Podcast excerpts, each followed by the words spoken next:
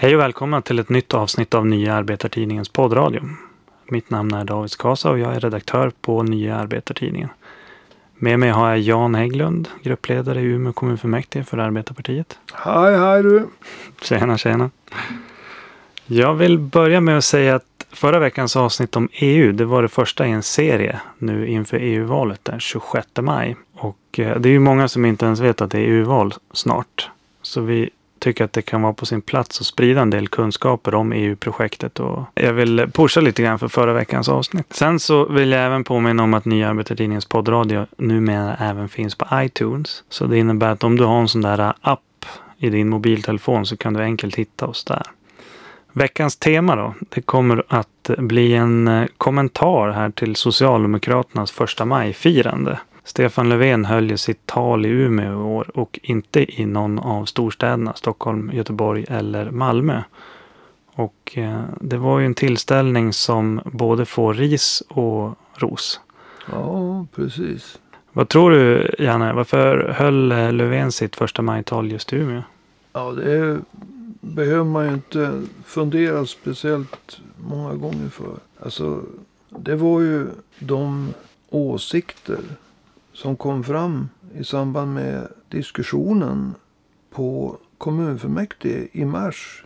Vi hade ju lagt en interpellation med förslaget om att hedersförtrycket i Umeå skulle kartläggas.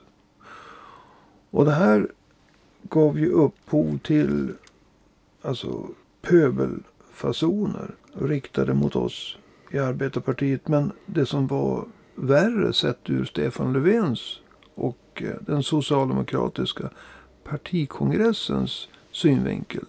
Det var ju att vad som sades mot oss. Det var ju också riktat mot det Stefan Löfven sa på den socialdemokratiska partikongressen och hela eh, partikongressens budskap. Ja. Det var ju ett internt uppror för att tala klarspråk. Ja. Och det var därför han kom hit nu för att så att säga följa upp. Vi, vi hade ju vårt första poddradioavsnitt handlar om det här. Så att vill man eh, höra lite mer i detalj så kan man gå tillbaka och lyssna på det. Men eh, kan vi berätta lite i korthet. Vilka var det som eh, stod för pöbelmentaliteten då? Ja, så Socialdemokraterna idag. De är ju inte eniga på något sätt i Umeå kommun. Vare sig det gäller budgetdiskussioner eller när det gäller synen på hedersförtryck. Och eh, det kom ju en så, det, det bildades en sorts, eh, ursäkta skämtet, ohelig allians där. Alltså mellan Vänsterpartiet, en av falangerna inom Socialdemokraterna och nya Miljöpartiet i Umeå.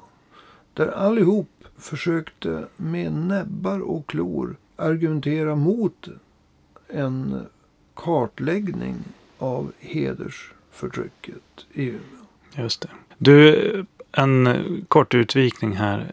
Jag har sett att du har skrivit det många gånger och du, du sa det nu, nya Miljöpartiet i Umeå. Hur kommer det sig att du säger så? Ja, alltså det är ju, det finns ju ingen egentlig kontinuitet mellan Miljöpartiet före och efter valet 2018. Mm.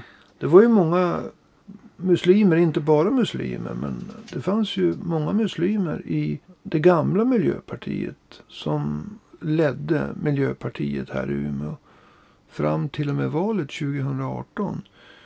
Men de höll ju isär politik och religion. Och de hade ju inte vi något problem att arbeta tillsammans med, till exempel för miljöförbättringar. Mm. Men sen kom ju alltså, den centrala ledningen för Miljöpartiet i Stockholm. De ställde ju Umeås och Västerbottens miljöparti under tvångsförvaltning. Mm. Och det nya Miljöpartiet, de är ju inte valda egentligen underifrån av medlemmarna här. Utan de är ju ledningen speciellt, de är handplockade från Stockholm. Så att det nya Miljöpartiet det saknar egentligen legitimitet genom medlemsval. Utan det är ett handplockat gäng från den centrala partistyrelsen i Stockholm. En helt ny, en helt ny generation. va. Mm. Utan koppling till det gamla. Och där finns det personer som absolut inte sk- särskiljer på politik och religion. Just det. Och eh, nu är ju inte hedersförtryck och eh, religion eh, identiska. Men de överlappar ju varandra. De har med varandra att göra. Ja. Och det är därför jag pratar om gamla och nya Miljöpartiet. Ja, just det. Jag tänkte medan vi ändå repeterar. Kan du friska upp minnet för oss också när det gäller vad Stefan Löfven sa på S-kongressen? Absolut. Han sa så här, bland annat. Att Socialdemokraterna ska vara den ledande kraften i Sverige för det här arbetet. Och då menar han arbetet mot hedersförtrycket. Och han sa också, därför kamrater förväntar jag mig, mig det av er. I varje landsting, i varje kommun, i varje skola, i varje läge. Se det, hata det, befria dessa unga. Ja, det är väldigt, väldigt kraftfulla ord. Ja, det var ord och inga visor. Och det sa han alltså två dagar före vi tog upp frågan om behovet av att kartlägga hedersförtrycket i Umeå. Och när man säger en sån sak som Löfven, alltså se det, hata det. Jag menar, vi anser ju, jag anser ju att en kartläggning av hedersförtrycket det är det bästa sättet att kunna se det.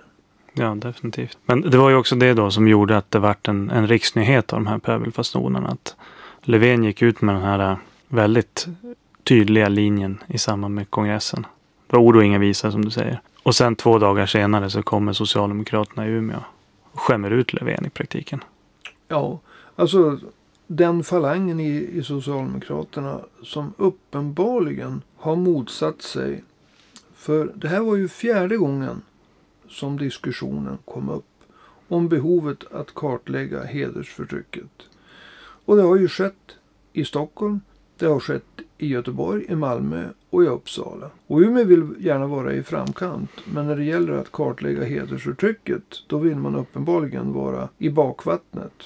Så att eh, det var ju som ett... En, en, det vart en protest alltså. Inte mot oss i första hand utan mot S-kongressens budskap. Mm.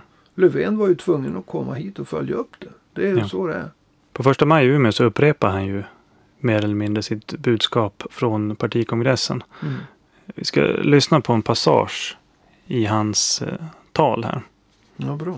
Men det vi kan göra för att hedra Sara, Fadime, Pela, Abbas, Mariam, Ramin och så smärtsamt många fler som har mördats.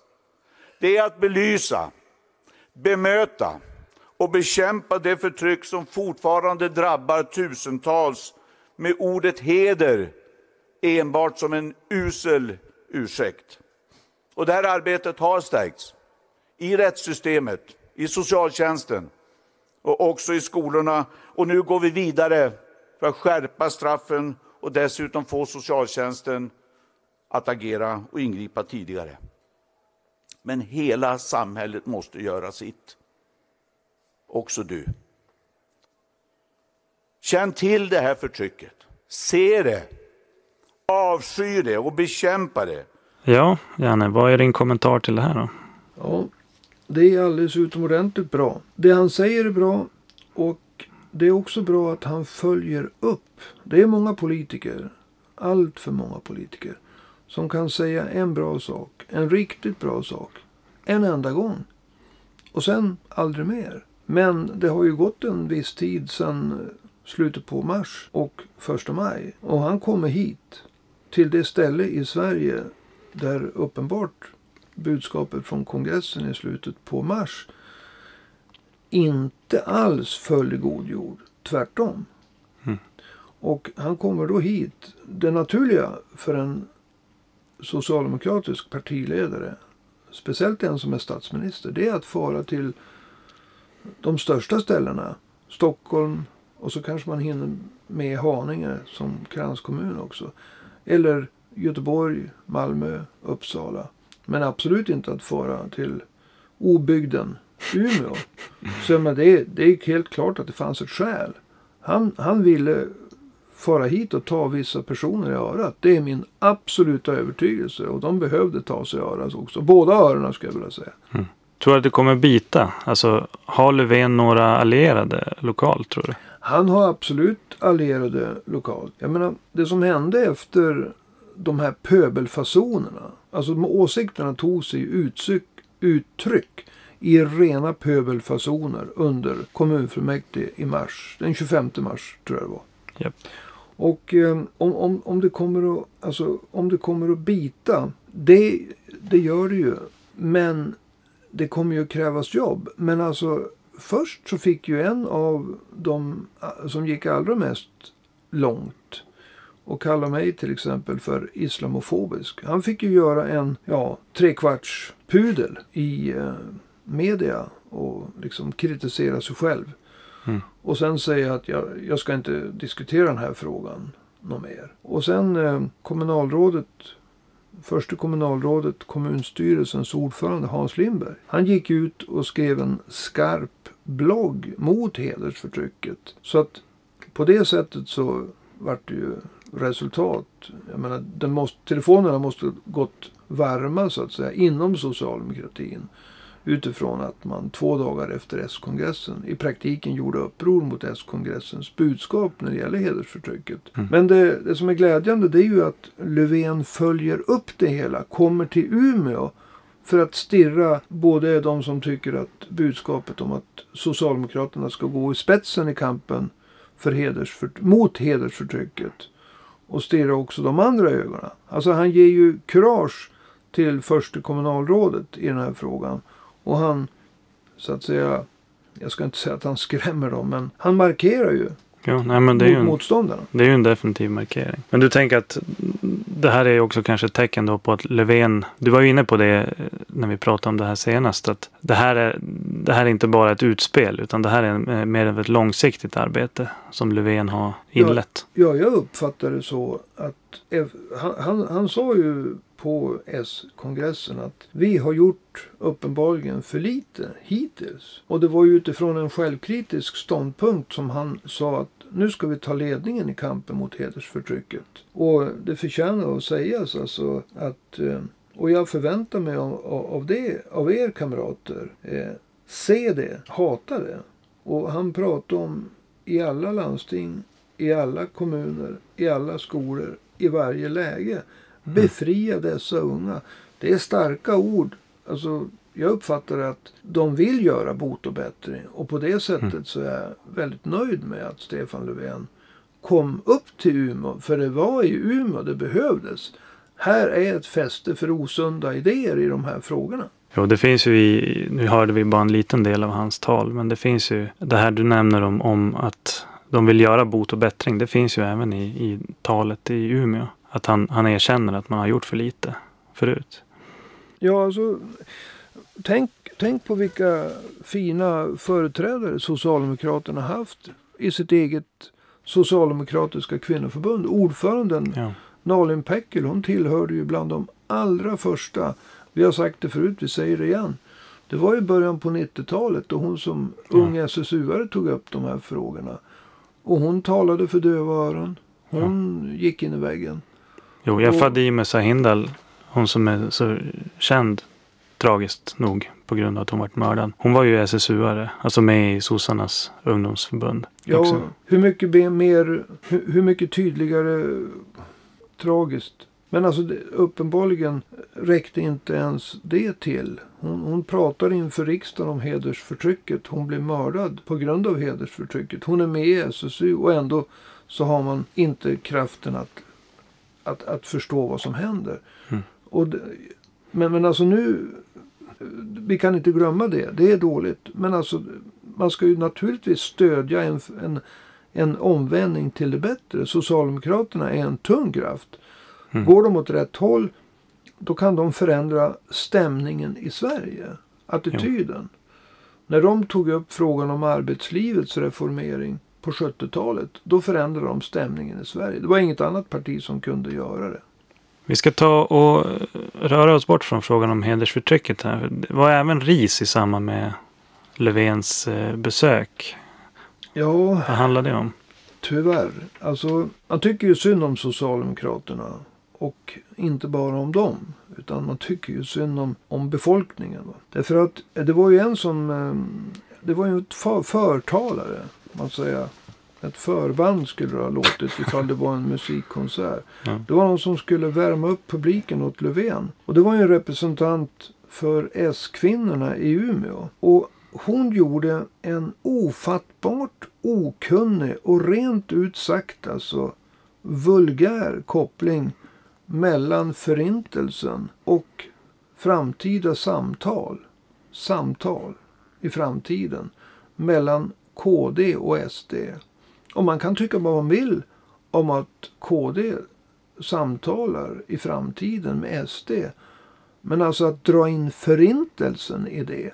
Det är eh, oförlåtligt. Det är att förringa förintelsen.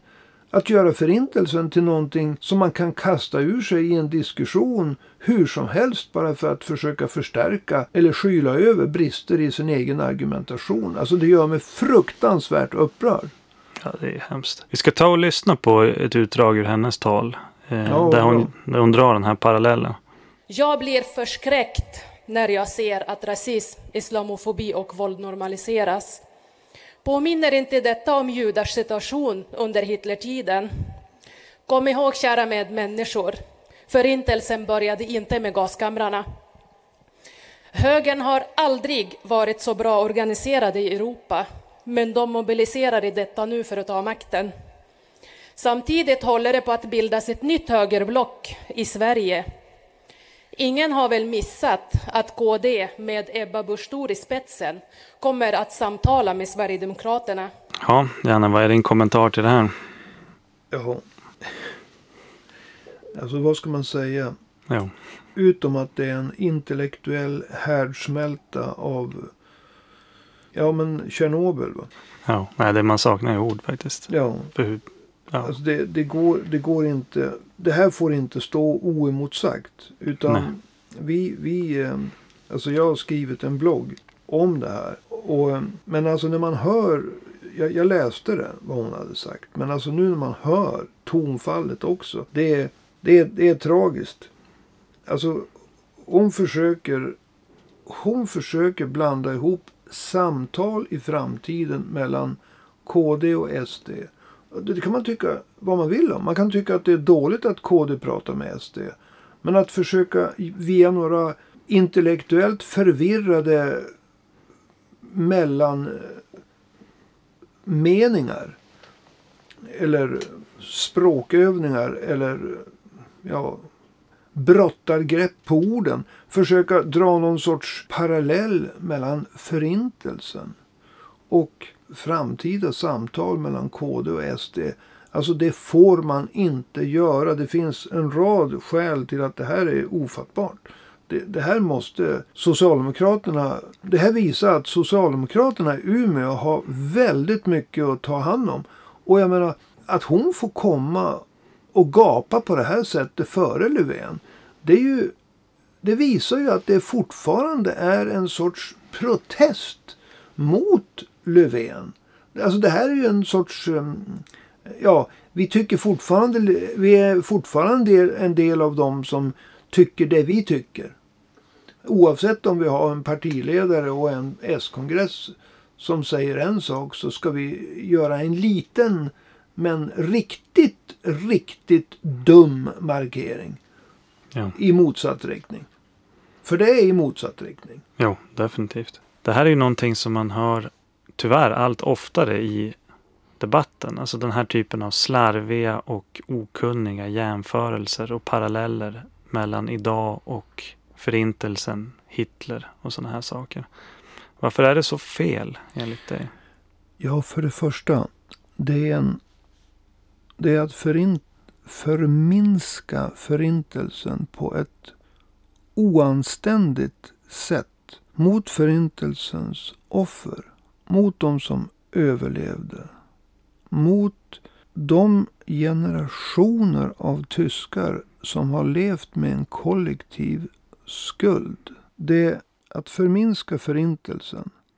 Den enda industriellt organiserade försöket att utrota alla judar och alla romer. Det finns helt enkelt ingen historisk motsvarighet till ett försök att med hela Europas transportnät och industriella metoder försöka förinta folkslag. Mm. Sen så när det gäller Hitlers maktövertagande så var det en mycket komplicerad historia. Och de som, vad heter det, gärna springer nazisternas ärenden. De pekar på att på ett rent dumformellt sätt så var det ett så kallat demokratiskt maktövertagande. Och så kan man hävda. Men om man tittar på innehållet så var ju inte situationen så att alla hade samma förutsättningar. Utan nazisterna behärskade gatorna. De skrämde motståndarna. De misshandlade motståndarna, ibland till döds. De slog sönder motståndares, till exempel Socialdemokraterna och kommunisternas tidningsredaktioner. Det var inga valrörelser som utkämpades på, en, på ett demokratiskt sätt. Mm. Det är inte bara rösträkningen, det är också möjligheterna att bedriva en demokratisk valrörelse. Så Hitlers maktövertagande, att det skulle vara demokratiskt, det kan bara människor som är väldigt formalistiska hävda. Och när det gäller förintelsen, återigen alltså. Tyskarna, de det var ingen rak väg från maktövertagandet till gaskamrarna i Auschwitz och en rad andra dödsläger. Utan under 30-talet så ville man i första hand göra tillvaron obehaglig i Tyskland så att judarna tog några få ägodelar och emigrerade. Mm. Under lång, lång tid så hade man en idé om att de skulle skickas till Madagaskar, en jättelikt stor ö utanför Afrikas kust. Det var först efter man startade kriget mot Sovjetunionen mm. som nazistpartiet i Tyskland såg som ett korståg mot judar och bolsjeviker som man slog ihop som den slutgiltiga lösningen i den form vi tänker, alltså dödsläger, tog form. Mm. Så att det finns också en gigantisk kunskapsmässig lucka som gör förenklingen ännu värre.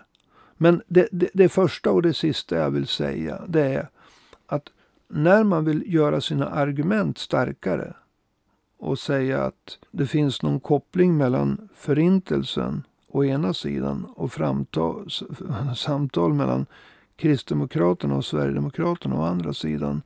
Då förminskar man förintelsen på ett sätt som är direkt oanständigt. Mm. Sen kan man tycka illa om att KD diskuterar med SD. Men man får faktiskt vara anständig i sina historiska paralleller. Och man får inte fördöma folk. Nej. Och det skedde i det här fallet. Och tittar vi på vilka som brukar systematiskt förringa eller förneka förintelsen. Vi har båda varianterna. Förringa förintelsen eller förneka förintelsen. Det är någonting som brukar förknippas med nazister och grupper som ja, islamister med rötter i salafiströrelsen eller muslimska brödraskapet. Mm. Ja, det blir väldigt intressant när man drar det där äh, resonemanget från den här Lina Farhat till sin spets. Du gör ju det i din blogg där du påpekar om att Socialdemokraterna och MP, de styr ju faktiskt landet på en budget som är framtagen av Moderaterna i samarbete med KD och genomröstad med aktivt stöd från SD. Ja, det, den där budgeten gick det socialdemokratiska ungdomsförbundet ut över olika, alltså runt om i Sverige och sa att det är en katastrofbudget. Ja, dessutom. Ja, och jag menar om KD pratar med SD och, och det gör, ger en socialdemokratisk första maj-talare som kommer direkt före Stefan Löfven anledning att göra kopplingar till förintelsen. Samtidigt som landet styrs, och det är Socialdemokraternas eget val, mm. på en budget som aldrig skulle ha antagits, en budgetreservation om jag ska vara noga, som aldrig skulle ha antagits av riksdagen om inte SD hade röstat för den. Och Socialdemokraterna styr på den mm. genom ett aktivt och medvetet val. Då blir det ännu mer absurt, den här Lina Farhads uttalanden. Alltså plakatpolitik har fått ett nytt ansikte. Ja, eh, jag tänkte att vi ska ta och börja avrunda det här. Ja, det är kanske lika bra. Jag blir så upprörd. Ja, måste tänka på blodtrycket igen. Ja. Jag tänkte, jag får tacka så mycket för att du svarar på de här eh, frågorna om eh, första maj i Umeå. Men innan vi tack, slutar. Tack. Ja, tack så du Innan vi slutar så hade jag en sista fråga. Det, det handlar om hur gick det för Arbetarpartiet på första maj? Ja, du väntar med det bästa till sist, höll jag på att säga. Nej, ja. nej, det bästa hade varit att Stefan Löfven hade fått stå så att säga oemotsagd. Jo. Om alla förstår vad jag menar. Nej, men det gick ju utmärkt. Vi hade en av Sveriges bästa föreläsare. Faktiskt en person som har varit inblandad i kartläggningen av hedersförtrycket i Sveriges fyra största kommuner. Som heter Devon Rexvid. Och han talade om hijab, sekularism, förtryck och även eventuellt positiva saker med slöjan. Mm. Men eh, framförallt så var det ju en kritisk vetenskaplig granskning. Mm. En historisk genomgång. Och det kom alltså så mycket folk till Sveasalen på Ordenshuset. Att eh, vi, vi ställde in flera gånger fler stolar och det rymdes inte mer. Utan vi var uppåt 75 personer. Och det var långt mer än vad vi trodde skulle komma. Mm. Och det vart en, en, en eh, civiliserad diskussion. Vi hade sagt att vi ska inte diskutera förbud. För eller emot förbud. Då snackar vi lagtext hit och lagtext dit. Utan vi skulle prata om slöjan. Mm. Och där fanns det ju de som försvarade slöjan. Och eh, de fick komma in och vi gav dem så stort utrymme som det bara var möjligt. Så att det vart en mycket lärorik dag. Dels naturligtvis föreläsaren var väldigt duktig. Och sen så vart det en, en diskussion. Där de som förespråkade slöjan fick fick stort utrymme mm. Att föra fram sina argument. Så mm. det var, man kan, vi, vi kan vara jättenöjda både när det gäller kvaliteten på mötet och när det gäller antalet som kom. Mm. Absolut. Kan ju faktiskt avslöja redan nu att eh, jag pratade med Devin Rexvid efter föreläsningen och eh, vi kommer att göra en intervju med honom om de här frågorna i ett eh, specialavsnitt eh, före sommaren. Så att det kan alla ni som lyssnar se fram emot. Så jag får alltså konkurrens i den här bloggen? Blogg är ju inte podd heter det. Nej, jag visste ja. ja. Du vet, är man gammal så är man gaggig. Jo, det är ju så. Nej, men du kommer få konkurrens. Det är inte bara du som får sitta här och prata.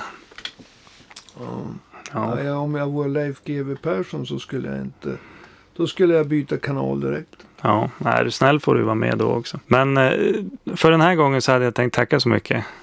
Tack själv. Tack själv. Jag varit lite upprörd där men det får lyssnarna ha överseende med. Jo, ja, men det är ju berättigad upprördhet. Man blir ju Ja, upprörd. försök inte ställa in det nu som programledare. Du ska vara lite kritisk. Jo, nej men det, det, var ju lite av ett övertramp där att bli sådär arg. ja, nu gick det för långt åt andra hållet. Nej, men jag får tacka så mycket. Tack själv. Tack så du ha. Eh, då har vi kvar att jag vill rikta mig till dig som lyssnar en liten stund. Vi behöver ditt stöd för att utveckla vår poddradio och även för att utveckla tidningen. Vi är kort och gott beroende av bidrag från våra lyssnare och läsare av Nya Arbetartidningen för att bedriva vår verksamhet helt enkelt. Så att vi skäms inte för att be om ett ekonomiskt bidrag. Du kan stödja oss med en femtelapp, en hundring eller mer. Och enklast är att eh, swisha du skickar till 123 504 7105. Alltså 123 504 7105. Och numret finns även på vår hemsida arbetartidningen.se. Sen behöver vi ju även tips med saker och ting som vi kan ta upp i poddradion. Finns det någon annan person som du tycker att vi ska intervjua? Eller tycker du kanske att du själv har någonting att berätta som är viktigt? Så hör av dig så kan vi göra en intervju. Eller så kan vi kontakta den person som du tycker att vi borde prata med. Alla tips är välkomna. Och som vi har sagt tidigare, vi vill även ha in arbetsplatsrapporter. Saker och ting som du har gått och irriterat dig på på jobbet. Det kan du skicka in till Nya Arbetartidningen. Då. Det var allt för idag. Jag heter David Skasa och är redaktör på Nya Arbetartidningen. Vi är tillbaka nästa fredag med ett nytt avsnitt.